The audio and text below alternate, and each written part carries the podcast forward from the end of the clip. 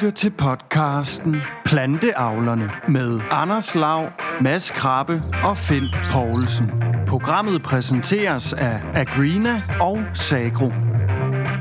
Rigtig god fornøjelse. Goddag, Mads. Goddag, Lav. Planteavlerne. Så sidder vi her igen, yes. og nu er det jo blevet tid til uh, sæson 3, episode 2. Dejligt. Mm.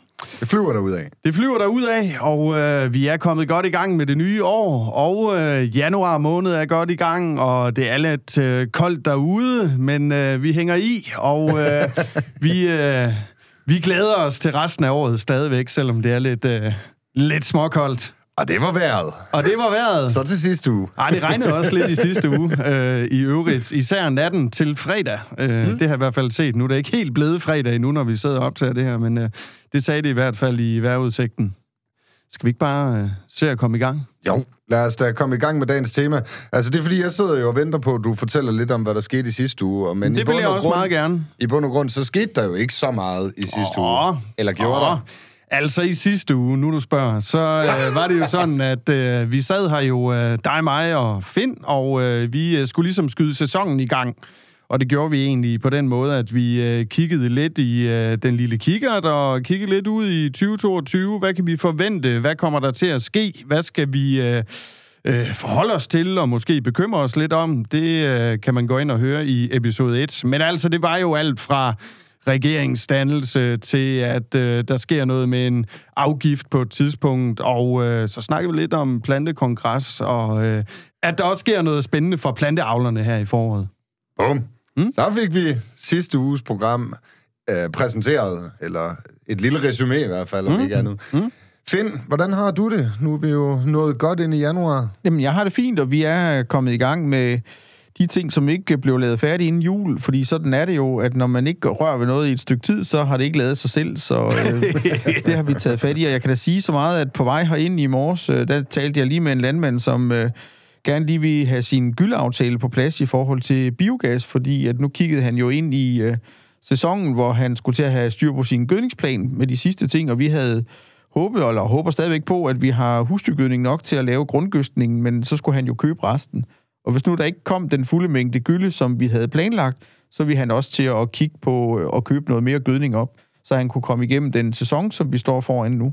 Og øh, det var en af de ting, som jeg tænker, vi skulle tage fat i i dag. Det har vi jo i hvert fald varmet lidt op til. Yes. At øh, hvad er status derude i forhold til det, der skal bruges til den kommende planteavlssæson? Yes. Og øh, man kunne jo sagtens kigge på, om man har fået vendt havtænderne, og om man har fået bestilt noget dieselolie. Øh, man skal også købe gødning og kemi op. Ja. Ja. Og øh, det kan jo altid være vanskeligt at ramme den rigtige pris. I, i gamle dage, der steg tingene med 1% om måneden, eller også øh, så gik det lige ud. Men øh, det er jo meget mere vildt, det der foregår nu, op og ned. Og på et tidspunkt, hvor vi jo lovede, at øh, det kunne blive problemer omkring at skaffe varer. Mm-hmm. Og det skal vi jo også prøve at kigge lidt på i dag, hvordan er situationen med det. Mm. Og så bestemt også den prissætning, der er på alt det her, der er en forudsætning. Altså, det er prisen på det korn, du skal sælge, men det er sandelig også prisen på det, du øh, skal købe for at drive det frem. Så er det ikke det, vi tænker, at vi skulle prøve at have kigget lidt ind i i dag? Det øh, tænker jeg, der lyder som en øh, rigtig god plan, og jeg ved jo, øh, Anders, du har jo også været på Facebook og lurer lidt, og jeg tænker, det ligger jo i meget god tråd med det, som Finn han øh, bringer på banen her. Jamen, det er helt rigtigt. Altså, inden vi gik i gang, der aftalte vi jo ligesom, at temaet for i dag, det var gødning og planteværn. Yes! Og øh, den, øh, ja, sådan, kernelytteren har allerede regnet ud, hvad der skal ske i dag. Mm-hmm. Vi skal lugter. ringe til Jeppe Tokkesdal, mine damer og herrer. Selvfølgelig har de regnet det ud allerede nu. Mm. Men inden vi går i gang med det opkald, øh, så skal vi først lige høre lidt omkring, hvad du find, tænker, vi skal spørge Jeppe om. Og dernæst, så skal vi også lige ind forbi den gruppe, du omtaler, nemlig gruppen på Facebook, Plantavlerne.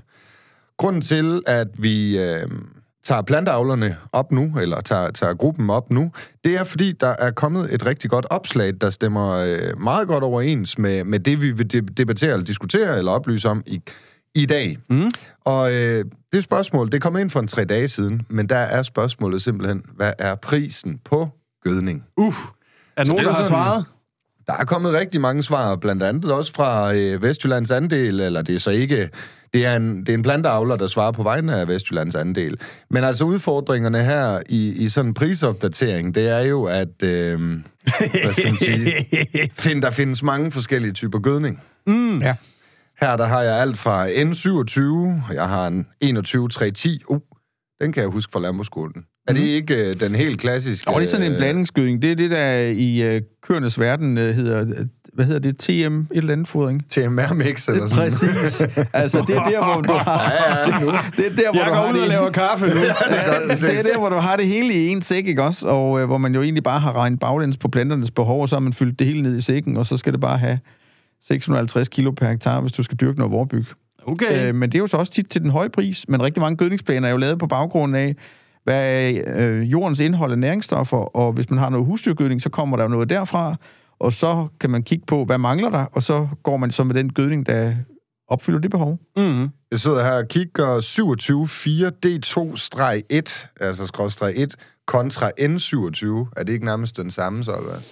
Jo, altså der er jo de der N27-gødninger, de, øh, det er jo 27 procent kvælstof, det er ja. vi helt enige om, men øh, de kan jo være på baggrund af, af to forskellige ting, som det tretal, det kan godt stå for, at det er svovlmængden, men det kan faktisk også være på baggrund af noget andet, som øh, magnesium. Øh, altså, øh, så når den 27,3, så er det normalt 3% svovl. Det er det, vi regner med, ikke også? Men øh, vi skal lige være opmærksomme, når vi køber de der 27% skydninger, om de virkelig bare er en kvælstofforsyning, eller om der også er noget svovl med. Og vi vil jo gerne på svovlsiden have cirka 10-15% af den mængde kvælstof, vi kører ud. Det er den mængde svovl, vi skal køre ud. Mm. Så med andre ord, skal du bruge 100 kilo ind, så skal du så øh, bruge øh, øh, 3 kilo... Øh, øh, nej, så skal du bruge 15 kilo svovl. det håber jeg, du klipper i. Og velkommen til uh, matematiktimen ja. Med uh, overlærer ja. Finn Poulsen. Ja, Jeg så kan skal du se have en en- 5, 5, eller 515 kroner for en 27-4. Det er prisen. Ja. Mm. Så kan du ved Vestjyllands andel give 495 for en N27. Ah, det er en god ja. Pris.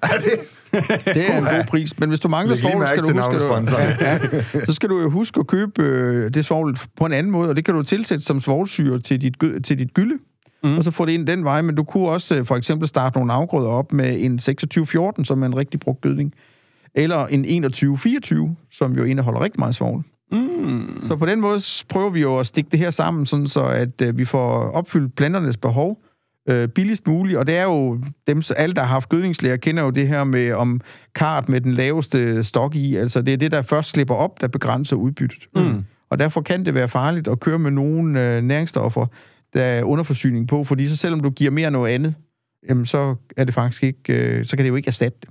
Der er faktisk en Lasse, der skriver, at gasprisen falder, så det burde også falde. Ja. Mm. Med tanke på jo så, at man skal afvente. Og det er jo fordi produktionsprisen på kvælstof øh, primært, den er jo helt baseret af, hvor meget gas koster. Men der er jo bare træhed i det her system, og det gødning, vi skal til at køre ud nu her i løbet af et par måneder, er jo... Øh, Lavet på dyrt. det er jo lavet nu på dyrt, men det hjælper jo ikke noget, du har et dyrt produkt, hvis øh, prisen på produktet er faldet, så må mm. du gå med markedet ned. Hvis det er sten, så er det jo lige meget, at du har produceret det billigt, så vil du stadigvæk have den fulde pris. Ja. Og Har der, du et bud på øh, den mest brugte gødning i Danmark? Altså, ja, sådan det, er- det er nok en gødningsvariant. øh, syv- 27-4, ikke Det også? er 27 Ja. Det Mm. hører vi lige Jeppe om. Ja, det 27-4'eren. 27-4, 27-3-agtigt. Det burde være den, man kører Ja. ja. mest ud af. Men når vi så taler om øh, priser på gødning, altså er det så øh, kan man altså er det så sådan generelt følges det ad, eller øh, kan noget være dyrere og noget blive billigere? Altså, vi deler det jo op, når vi vurderer priserne på gødning på de enkelte næringsstoffer. Så vi prøver jo at værdisætte, hvad koster kvælstof, hvad koster svovl, hvad koster kali, hvad koster øh, fosfor. Mm. Det er sådan de store ting, øh, som vi trækker priser på. Og så vælger man jo den gødning, hvor man får dækket sit behov til den laveste pris. Ja. Så det kan jo godt være, at det ikke kan betale sig at køre med en meget svovlholdig gødning, fordi når du først har dækket behov for svovl, så får du sådan ikke mere for bare at køre ekstra ud. Så kunne man jo gå fra, for eksempel rap starter vi jo rigtig tit op med noget øh, 26-14, altså med 14 procent svovl. Og når den har fået sine de der cirka 30-40 kilo svovl, så hvis man yderligere skal følge op med noget mere gødning, så kunne det jo sagtens være en 27, altså en kakamonsalpeter, som øh, øh, ikke indeholder svovl. Det er jo lige meget. Mm. Okay. Okay. Hvad øh, i forhold til sådan noget, når man nu, altså, når man køber gødningen på forhånd, hvad øh, så, hvis man, altså, ved man, hvad ens jord behøver allerede, eller kan der opstå et nyt behov, øh, før at man skal til at anvende det, man nu har købt ind, og hvad med jordprøver og så videre? Et godt spørgsmål. Det, som, øh, det vi normalt forbinder med grunden til, at vi skal tage jordprøve, det er jo for at indstille øh, reaktionstallet, altså den pH, der er i jorden, og, og hvor sur jorden er. Og det kalker man jo efter. Men som sidegevinst til det her, der får man jo også et, øh, et, øh, en analyse for fosforindhold og for kaliumindhold og for magnesium. Og der kan man jo, hvis man har store mængder kali på lager i sin jord, så kan man jo spare og købe det ind. Hvis man har store mængder fosfor på lager i jorden, så kan man jo spare købe det ind. Omvendt, hvis det mangler, så er man måske nødt til at give både planternes behov og yderligere løfte lidt, fordi det er svært ligesom at skrabe det sidste op af tallerkenen. Mm. Og det er det jo også for planterne. Mm. Så det, hvis en kornmark skal bruge 23 kilo fosfor, som vi sådan i rundetal kan sige, det er det, vi øh, gerne vil sørge for, at planterne har til rådighed, så kan du ikke bare give 23,0, hvis fosfortallene er fuldstændig i bund, for den kan ligesom ikke suge det sidste op. Mm-hmm. Omvendt, hvis der er nogle høje fosfortal rigtig meget til rådighed, så kan det godt være, at den alligevel betaler lidt for en lille smule fosfor. Når den så er i gang, så kan den ligesom tage resten. Det er jo derfor, vi for eksempel gerne vil bruge startgødning til majs.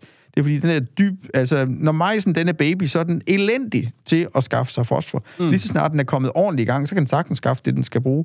Men der er den så blevet sat i starten, fordi den skal have noget let tilgængelig gødning fra starten af. Yes. Så der ligger vi jo og kører lidt frem og tilbage med alle de her ting. Tænker lidt på, hvor meget udbytte henter jeg ved at gøre det her.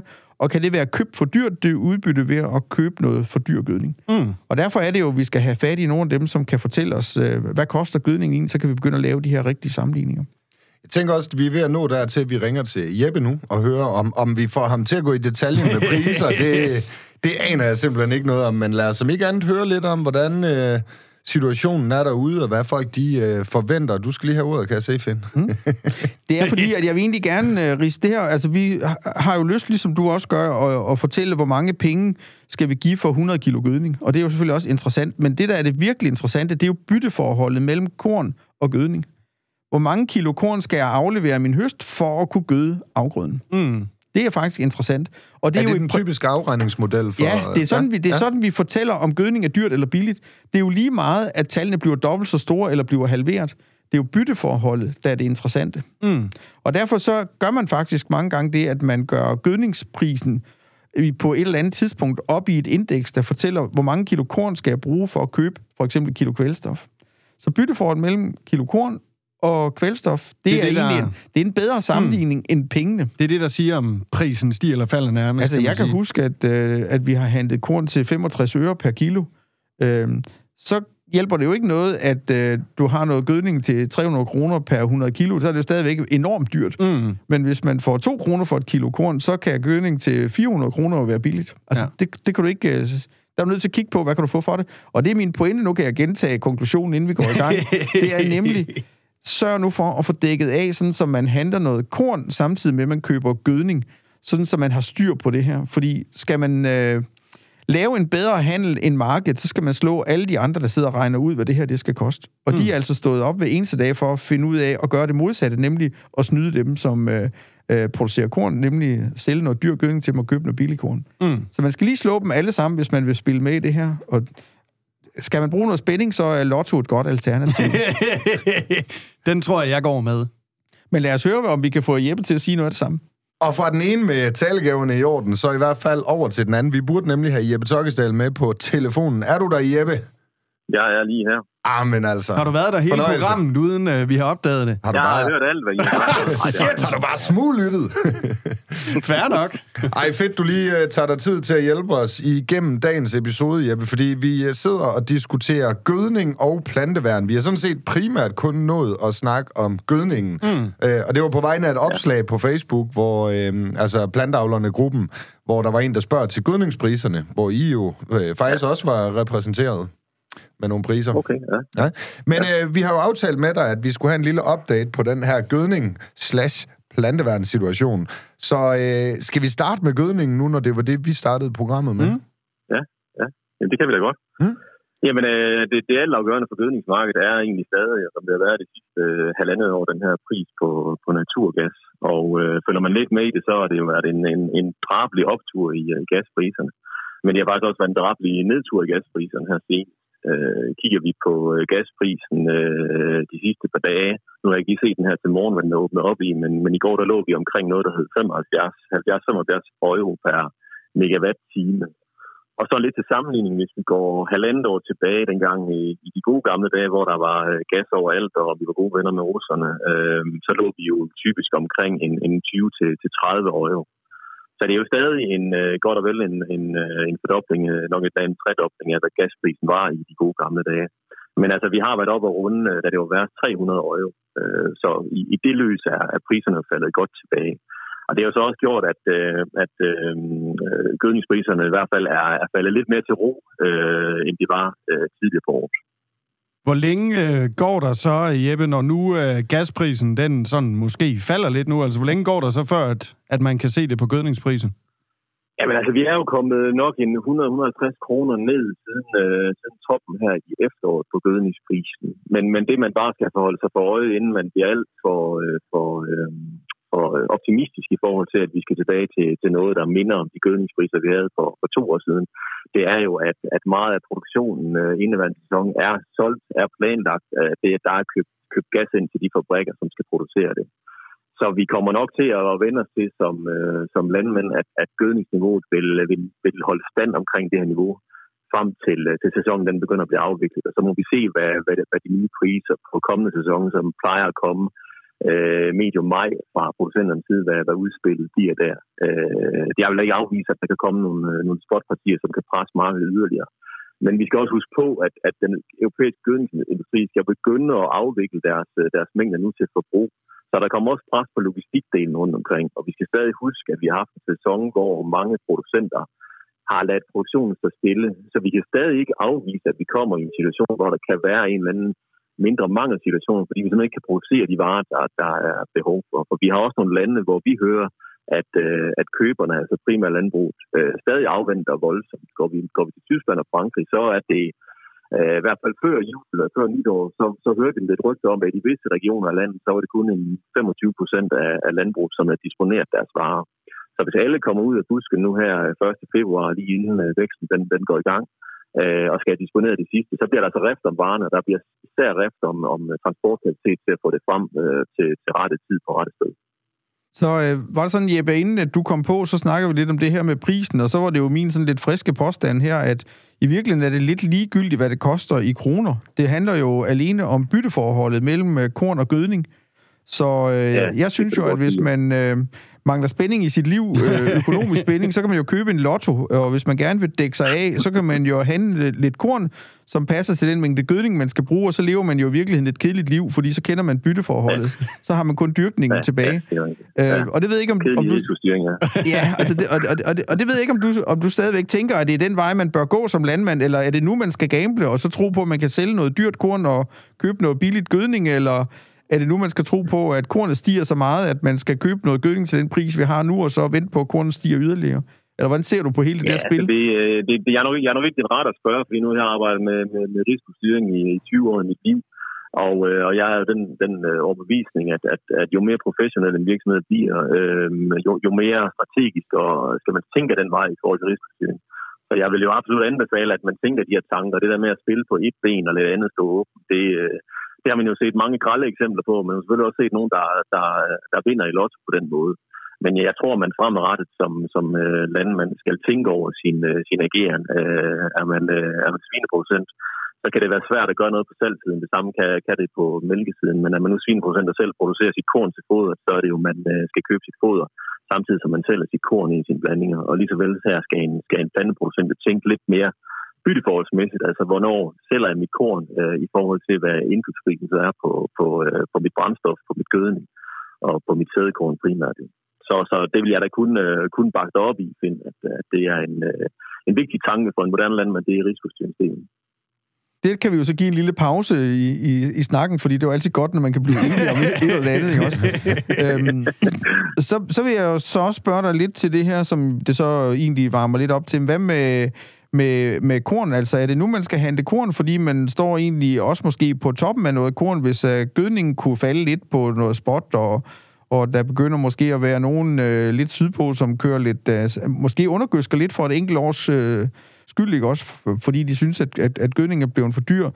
Skal man så tro på, at det her korn det vil stige, eller skal man tro på, at det falder? Det synes jeg er et spørgsmål, jeg har fået jævnligt her fordi det er jo blevet som om, at mere vil have mere. Altså, nu synes man jo lige pludselig, at raps koster 5 kroner normalt, og hvis det koster under 5 kroner, og du kan lave en handel under 5 kroner, så er det fordi, du lige øh, du handler i en bølgedal. Men er vi stadigvæk på en top, eller vi, øh, er vi bare op eller ned af, Jeppe? Altså, min, min personlige holdning er, at vi har set toppen. og, øh, og, du, og du er fuldstændig ret, at mere vil have mere, ikke? og vi skal på med, at grådigheden ikke tager os nu her. Men det ser vi jo typisk, når vi har set nogle, nogle prisstigninger. Vi så det tilbage i, øh, i 7 omkring finanskrisen. Vi så det i 10 og 12, da der var tørke i USA og Rusland. Vi så det i 18, da, da der var tørke her i Nordeuropa, og vi ser det igen nu her, at, at, at lige pludselig er, er 200 kroner for korn ikke særlig attraktivt, fordi vi har kunnet få 250, næsten 300 kroner. Øh, og så er 200 kroner en skidt pris. Men altså for, for halvandet to år siden, så ville de jo slå ihjel for at kunne sælge vores korn på, øh, på 200 kroner. Øh, og det vi oplever i markedet nu her, det er jo, at, at, at vi, vi begynder at vende os til de omstændigheder, vi agerer i. Vi begynder at vende os til, at der er en krig ikke så langt fra os. Vi har vendet os til, at der er øh, delvis øh, mangel på energi, øh, men alligevel falder energipriserne stille og roligt tilbage. Altså det, det begynder at blive en hverdag. Øh, og, og råvarermarkedet er jo som det er. Høje priser genererer en, en høj produktion på et eller andet tidspunkt, og så vender markedet igen. Og det, det har det jo gjort i hundredvis, i tusindvis af år, at, at, at høje priser bliver afløst af lavere priser. Jeg tror, vi får en højere bund, fordi vi har en grøn omstilling. Vi har et, en, et behov for at få vores øh, forsyning af især energi tættere på kroppen her i Europa. Og det betyder også, at der bliver mere rift om, om det, vi producerer på markederne til, til energi og til biomasser. Så, så fra hvor 100 120 kroner har været prisbunden, så er det godt, at vi skal kigge på en prisbund, der hedder 130-50 kroner. Og, og hvis vi gør det lidt mere operationelt nu her, altså det, det har aldrig været en dum idé at sælge noget korn her i januar forud for høsten. Det har typisk været der omkring pristoppen har været, hvis man som planteavler har disponeret sin varer. Det er selvfølgelig ikke så, så sjovt at kunne få en, en 175 kroner for, for, øh, for korn til 23 nu, øh, når vi har været, været over 200 kroner tidligere. Men, men, men, men jeg tror ikke, det er, det er skidt at gå ind og disponere noget her. Jeg vil ikke være forbavset, hvis vi, øh, når vi taler sammen i, øh, i august, starten af september, øh, ser en detaljkornpris, som er omkring de, de 1.500 kroner i Danmark. Nej. Mm. Men, men det fortæller jo egentlig også, at nogle af dem, der fik den høje pris øh, før jul for deres korn, øh, de øh, købte jo så også øh, deres gødning dyrt og nu er det hele bare faldet igen, og så kan man sige, at bytteforholdet passer stadigvæk, at der skal et eller andet antal kilo korn til at købe det gødning, man skal bruge for at dyrke det. Der var en anden ting, jeg lige sidder og brænder lidt ind med, vi også skal gøre, øh, eller have styr på derude, og det er det kemi, vi skal bruge, altså de sprøjtemidler, vi skal bruge til vækstsæsonen. Hvis vi afslutter gødningsdelen nu, er det så ikke nu, jeg lige skal stille spørgsmålet, jeg stillede dig jo. inden? Jo, bare kom med det.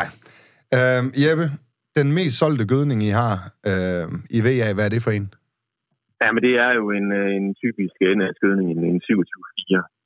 Altså med, med 27 procent Så, ja, så er der nogen, der skylder nogen en flaske portvin her. Jeg skylder en portvin til Finn. Ja, han har ret. Han har vedmål på i dag. Ja, vedmål og vedmål, det ved jeg ikke helt. Det blev det åbenbart til. Ja, retten til at hovere, den er stadigvæk meget værd her i studiet. Ja. Jeg ved ikke, hvor, hvor aktuel du er i forhold til sådan noget som priser, men uh, der var en, der skrev 4,95 for sådan en N27. Er det stadig i det leje, vi ligger? Ja, det er ikke helt skævt. Altså, så skal du selv øh, køre hen og hente den i, i løs på, på en afdeling, så er du nok i omkring det niveau. Skal du have leveret den ud i bag, så, så ligger du lidt højere. Mm. Men det er omkring, øh, omkring en, en, en 500 kroner plus minus, afhængig af, hvor land du er, hvordan, hvordan øh, levering og, og mængde er. Godt. Find nu må du. ja, så, tak skal du have. Ej, det er fordi den anden del, det, er, det er kemidelen, og den synes jeg er interessant på to fronter. Den ene, det er nemlig, kan vi skaffe de varer, som vi gerne vil øh, køre med, vi har jo lige haft eksemplet med, at vi ikke kunne få kærp til vores rapsmarker, og hvor også nogen, der var stillet i udsigt, at de kunne få, aldrig endte med at få. Og det er for nogen faktisk en lille katastrofe, set i forhold til at bekæmpe græs. Mm. Øh, så ja. jeg har to spørgsmål til dig. Det ene, det er, øh, kan vi forvente at få de varer, som vi ønsker os, når vi skal til at sprøjte her til foråret? Og det næste, det er, at den der øh, prisudsigt, jeg har hørt på en 20-25% prisstigning. Passer det rigtig godt til dig, eller er det en anden prisstigning, jeg skal forvente, set i forhold til ja, priser ja. 2022? Det var to konkrete spørgsmål. Ja, ja. Lige nu her, det der normalt foregår her i januar, februar og hen i marts, det er, at, øh, at procenterne forhandler med, med, med forhandlerne øh, omkring prissætning og sortiment. Øh, så vi er, ikke, øh, vi er ikke på plads endnu, så jeg kan ikke sige noget med 100% sikkerhed. Jeg synes, dit, dit prisforecast lyder højt i min optik. Øh, det er nok naivt at tro, at vi kommer til at se faldende priser. Og, og, øh, og det vi fornemmer nu, er det selvfølgelig også, at der er en masse argumenter fra, fra producenternes side, og helt færre argumenter for, at priserne de skal stige lidt. 25 procent øh, synes jeg er, er højt. Jeg, jeg vil ikke love noget, men jeg tror, vi kommer, kommer til at se nogle, nogle lavere stigninger. Forsyningsmæssigt er det også et uvist spørgsmål nu. Vi fornemmer, at øh, forsyningsbilledet i hvert fald ikke bliver værre, men, øh, men vi har en akilleshæl i det her kærp, hvor, øh, hvor produktionen ligger på, øh, på ganske få hænder.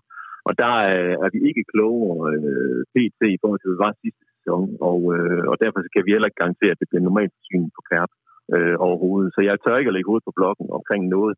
Men, men jeg vil blive forbavset, når jeg sådan kigger rundt i, hvad vi ellers ligger for hand, og hvad vi mærker rundt omkring i andre nabobrancher, for at jeg vil blive forbavset, hvis det ikke lysner lidt i forhold til, til forsyningsbilledet, i forhold til, hvad vi oplevede sidste år.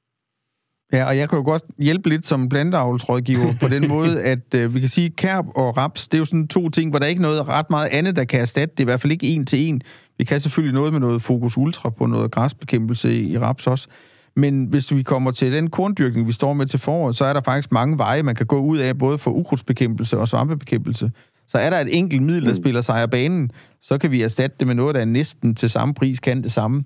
Så vi er ikke så sårbare, ja. når, vi, når vi skal til at købe ind til foråret. Så bare du har nogle varer på hylden af en eller anden art, så skal vi nok få lavet en sprøjteplan. Mm. Det går, ja. Vi skal nok finde noget til jer. Tak.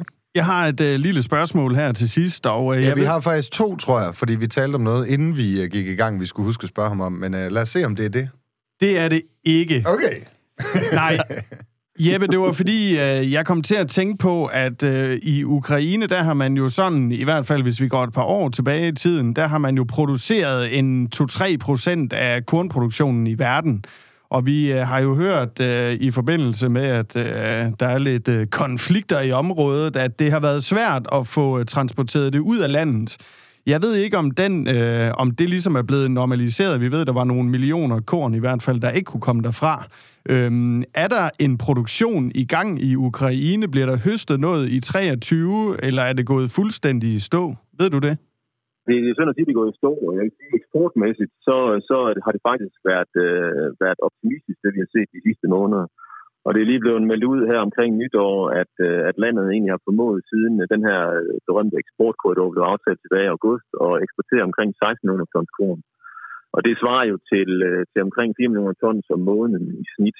Og, og hvis vi går tilbage til før krigen, så lå landet og, lå og eksporterede omkring 5,5 til 6 millioner tons korn månedligt. Mm. Og så røg vi jo helt ned på omkring uh, kun 500.000 tons i, i marts-april, da det var aller, aller værst, hvor det så sortest ud.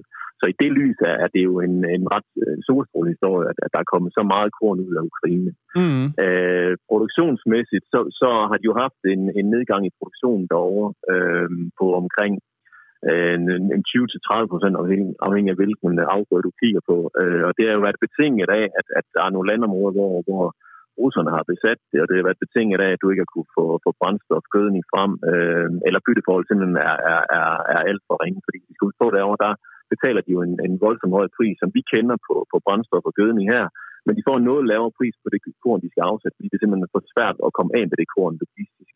Øh, så vi har i, i, i, i nogle tilfælde har vi hørt øh, afregningspriser ned omkring en, en 30-50 kroner inde i landet i Ukraine.